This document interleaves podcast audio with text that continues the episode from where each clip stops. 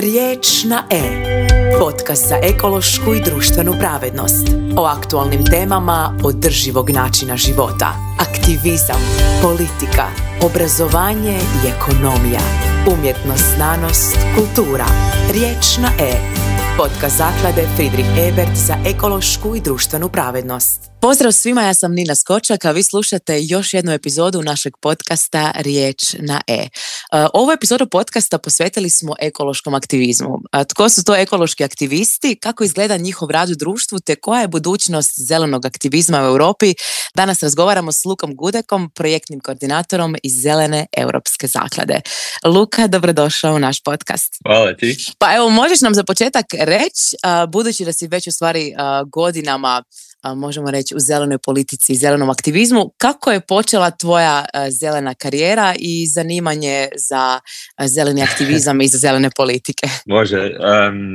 malo, malo si me zatekla s pitanjem jer e, kad sam se počeo baviti sa tim zelenim temama nisam to vidio kao nešto što će mi jednom postati karijera. Mhm. ali da, postalo, nisam uspio pobjeći tome.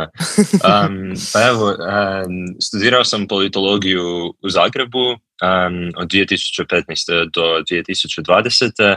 I nekako bio sam dosta dobar student, ali malo izgubljen u tome di želim ići e, u životu e, i mhm. što napraviti s tom politologijom. Sve dok nismo počeli učiti o političkim strankama i pokretima u Europi. I jedan od tih e, pokreta koji me dosta fascinirao su bili zeleni, Um, I nekako su mi bili posebni zato što su spojili održivost i klimatske promjene, što mi se ta činilo i dalje mi se čini kao ono neko najveće ogromno pitanje koje trebamo riješiti kroz politiku. I to su spojili sa progresivnim nekim društvenim stavovima poput pacifizma, um, da, antinuklearnih stavova, univerzalnog temeljnog dohodka i, i drugih zanimljivih politika. Mm-hmm.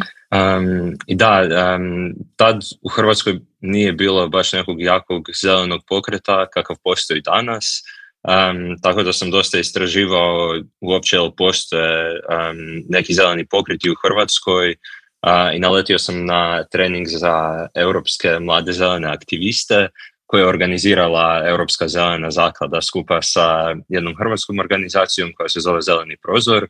Mm-hmm. Um, zapravo od tog treninga koji je bio baziran na upoznavanju mladih ljudi sa zelenim pokretom, um, ja sam se dosta uključio ono, zelene organizacije koje su ispostavilo se postoje stvarno uh, i u Hrvatskoj i u Istočnoj Europi i u Europskoj uniji. I da, um, dosta sam se uključio u um, jednu istočnu europsku mrežu organizacija mladih zelenih koja se zove CDN i da, tamo sam volontirao nekoliko godina i kasnije sam se zaposlio u toj organizaciji, za onoj Europskoj zakladi koja je organizirala zapravo prvi trening um, na koji sam otišao u Hrvatskoj. tako da, da, to je bio jedan lijepi zeleni krug kroz koji sam prošao. Da, da, da. Znači sve je krenulo, ajmo reći, od zanimanja na fakultetu i tako se to od tad e, nastavilo. Tako je, da. Pa znači počeo si, ajmo reći, s tim treningom. E, je li to, na primjer, nešto što je popularno e, među mladima u Hrvatskoj ili još uvijek među mladim Hrvatima još to nije u nekom zamahu? kako da kažemo? Da, to je dobro pitanje. Mislim da e, kad govorimo o Hrvatskoj, zapravo u Zagrebu se događa najviše e, takvih zanimljivih treninga, e, mislim najviše ljudi studira na kraju dana i mm. najviše ima recimo progresivnih ljudi koji bi bili zainteresirani za takve treninge. Da, da. Tako da za njih mislim da ima dosta prilika i dosta su dobro bili posjećeni, dosta je dobro bila posjećena ta serija treninga na kojoj sam i ja sudjelovao za europske zelene aktiviste. Ali da, u biti pitanje kakve ljude to privlači, mislim da uglavnom mladi ljudi koji studiraju u društvenim znanostima i na politologiji s njima takve teme rezoniraju. I onda malo rijeđe naći na takvim treninzima ljude koji su u prirodnim znanostima, a jako, jako rijetko ljude koji studiraju neke tehničke, na tehničkim fakultetima ili ne studiraju. Da, da, da. Tako da mislim da je to ono mali problem pokreta generalno da mm privlače ljude iz urbanih sredina koji su visoko obrazovani. Da, pitanje je kako doseći druge skupine neke u društvu. Ali to sam primijetila i um, po ovim nekim zelenim strankama iz Europe, kako sad, na primjer, i u Njemačkoj i u drugim državama vidimo da su zastupnici zelenih stranaka u stvari jako izrazito mladi ljudi, ne znam, neki ljudi koji imaju 20, čak i 19, 21 godinu, tako da mislim da je to dobar odraz toga koliko je to u stvari pokret koji interesira većinom mlade ljude, da. Da, da, slažem se totalno. Mislim da e, je zeleni pokret tu definitivno ono odskače od ostatka političkog mm. spektra u tome da privlači mlade ljude. Na ovim zadnjim europskim izborima, na primjer, je izabrano jako puno mladih ljudi, više kandidata nego ikad generalno, ali više veći postotak kandidata ispod 30 godina nego ikad prije.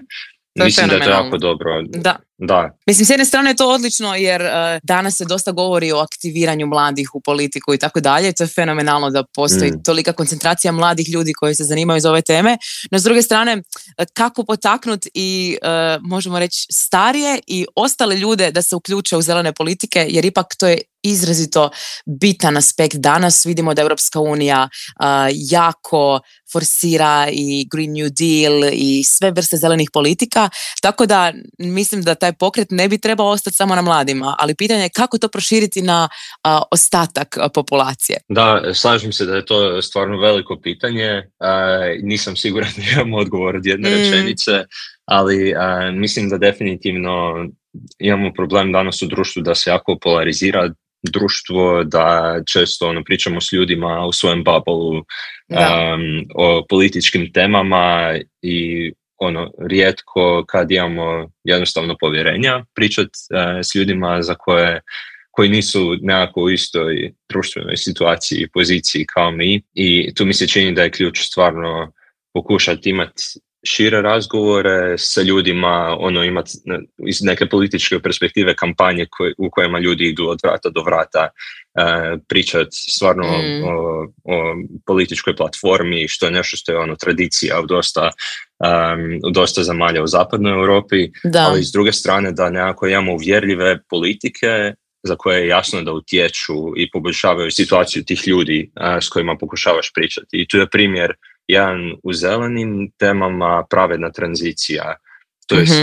ideja da, ono, da trebamo razviti obnovljive izvore energije, trebamo razviti klimatski neutralno društvo i tehnologije, ali u isto vrijeme se trebamo pobrinuti da ono kad zatvorimo termoelektranu na ugljen, da tim ljudima koji tamo izgube posao, da ne izgube posao, nego da nađemo druge realne prilike za zapošljavanje tih ljudi. I ono, da stvarno se pobrinemo da na kraju te tranzicije su socijalna prava isto svih skupina u društvu um, zadovoljena. A u Francuskoj, na primjer, je bio primjer toga da to nije bilo uh, očito napravljeno dobro kad su bili um, kad smo imali prilike promatrati prosvjede žutih prsluka mhm. um, gdje ono postavio se porez na, na benzin koji je najviše utjecao na skupine u društvu koje su najranjivije. Da. Tako da, to su neke stvari koje trebamo izbjegavati, mislim. Kad si spomenuo, znači da si na fakultetu uh, počeo uh, zanimati se za ove teme, kako su tvoji vršnjaci reagirali na to, na primjer tvoji roditelji i tako dalje? Je li to mm. nekima bilo malo čudno? Jesu li to tvoji prijatelji i roditelji podržali? Da li im je možda i dalje čudno što se time baviš? mislim, danas kad radim stvarno u jednoj zelenoj organizaciji u Briselu, mislim da im to ima više smisla nego kad sam bio na fakultetu sa nekim neobičnim zelenim idejama ali da, mislim, ja sam u dosta privilegiranoj situaciji da je moja obitelj stvarno dosta progresivna i politički aktivna, iako nitko ne radi u politici, mhm.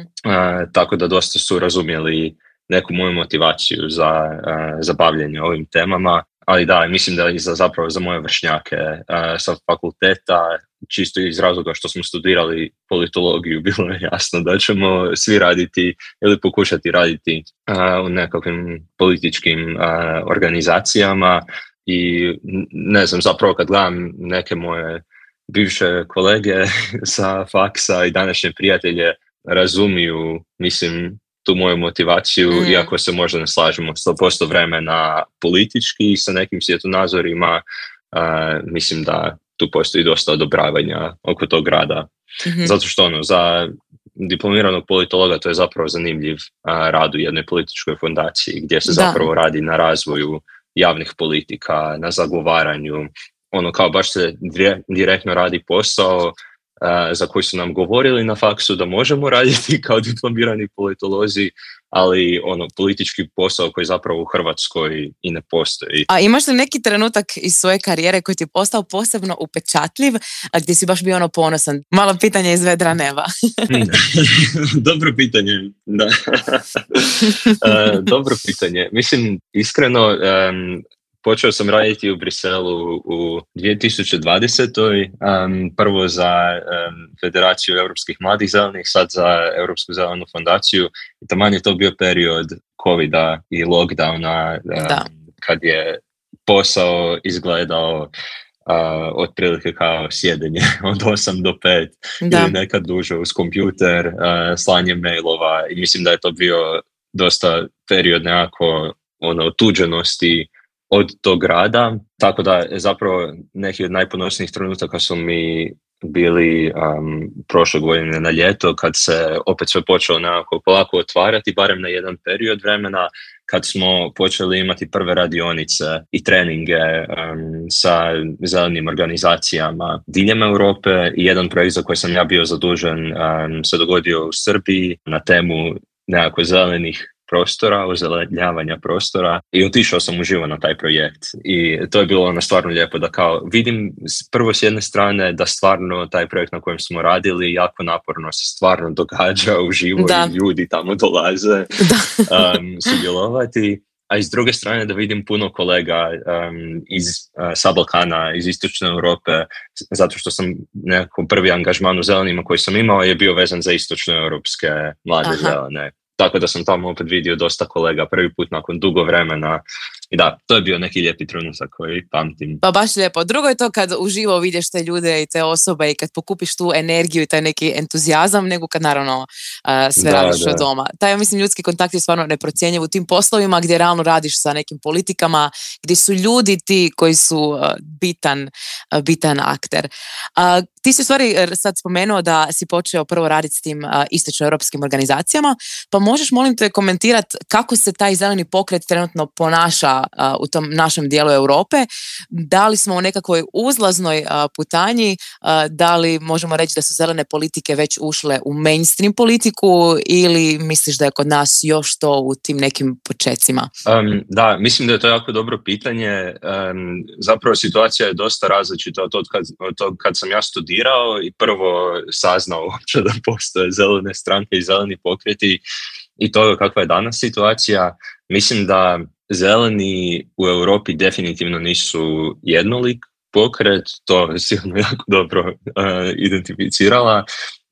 u biti u zapadnoj Europi su zeleni dugogodišnji etablirani pokret, ono na vlasti su puno država, na vlasti su na federalnoj razini u Belgiji, u Njemačkoj, um, i s druge strane drže mnoge gradove u Nizozemskoj, Švedskoj, Francuskoj dok u istočnoj Europi zeleni politički pokreti postoje već neko vrijeme, godinama, ali nekako kao politički pokreti koji se i natječu na izborima, zagovaraju javne politike, su dosta novi i često su povezani sa antikorupcijom, što je dosta zanimljivo jer je to ono dosta veliko pitanje u mhm. istočnoj Europi, Um, I u tom smislu manje su razvijeni, manje su institucionalizirani zeleni pokreti u istočnoj Europi nego u zapadnoj, ali tu treba napomenuti da trenutno ono iz neke perspektive europskih zelenih uh, Hrvatska, Mađarska i Latvija se u istočnoj Europi vide kao ono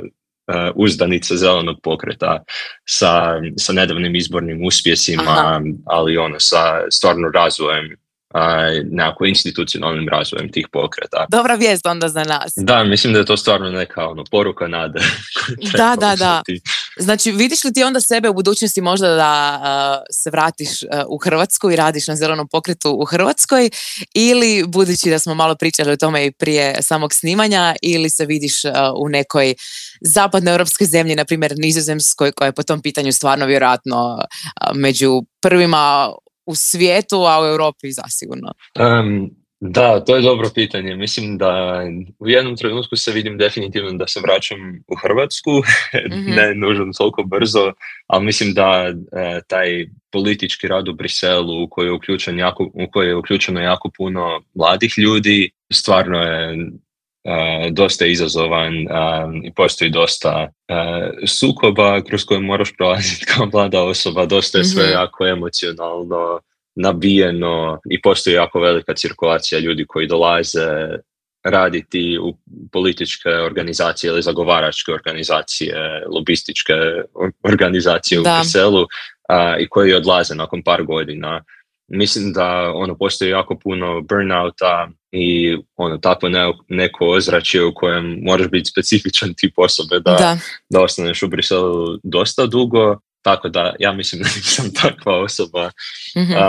I da, vidim se i dalje definitivno da radim, ali ne nužno u Belgiji, ne nužno u nekoj političkoj organizaciji. Tako da to, je, mhm. to je još otvoreno pitanje. Pa definitivno će tvoja struka imati puno posla jer budući da uh, je Europa dosta ambiciozna sa svojim zelenim, možemo reći, planovima sa Green New Dealom i nekako mi se čini da će Brisel baš gorit od svih zelenih lobista uh, i nekako stručnjaka, stručnjaka za zelene politike, tako da čini mi se da ćeš imati dosta posla ako ostaneš, e, ako ostaneš u Briselu. Mislim da je jako zanimljiv politički trenutak u Europi i u Briselu, e, jer Europa pokušava preuzeti dosta nekako globalnu poziciju e, lidera u u nošenju sa klimatskom krizom um, Europa ima ambiciju postati prvi klimatski neutralni kontinent na svijetu i u tom smislu i dosta javnog novca se ulaže u e, tehnologije, um, e, održivosti, um, smanjenja emisija CO2 i drugih stakleničkih plinova i u tom smislu je stvarno to dobar, dobar mm-hmm. trenutak za zeleni pokret, ali u isto vrijeme je jako izazovno to što e, stvarno nisu tu samo zelene političke snage, nego i dosta lobista, naftnih kompanija i biznisa kojima nisu interes iste stvari koje su u interesu i zelenima. Mislim da iako trenutno se puno strana kao u Briselu zalaže za da ekološku neku tranziciju, postoje jako različiti planovi toga kako bi ta mhm. tranzicija trebala izgledati a tu su zeleni definitivno predvodnici u tome da takva tranzicija treba biti i socijalno pravedna da. i da ne smije biti gubitnika tranzicije, nego stvarno svi trebaju biti zaštićeni, sve društvene skupine. Tako da, da, ima puno posla, ne mhm. tako lakog posla, nužno, i ono nekih velikih pitanja u kojima mislim da mi kao mladi ljudi, ali i ono Hrvatska može ponuditi zapravo dosta dobro rješenja. I evo možeš mi još e, za kraj e, reći e, Luka, odnosno svim slušateljima, na primjer ako je netko istinu zainteresiran uključiti se aktivno u zelene politike, koji bi trebao biti prvi korak u Hrvatskoj, neki savjet koji je prvi korak kako se uključiti u tu sferu? Da, definitivno. Mislim da često je pitanje ono kako pojedinac može pridonijeti na razvoju zelenog pokreta ili da većoj ekološkoj održivosti. Mislim da je tu dobar pristup da trebamo prestati djelovati kao pojedinci. I mhm bitno je jako umrežiti se u postojeće pokrete. Tako da u Hrvatskoj postoji zapravo jako puno zelenih organizacija danas koje se bave najrazličitijim temama od energetskog siromaštva i energetske tranzicije preko obrazovanja u zelenim temama, zagovaranja javnih politika.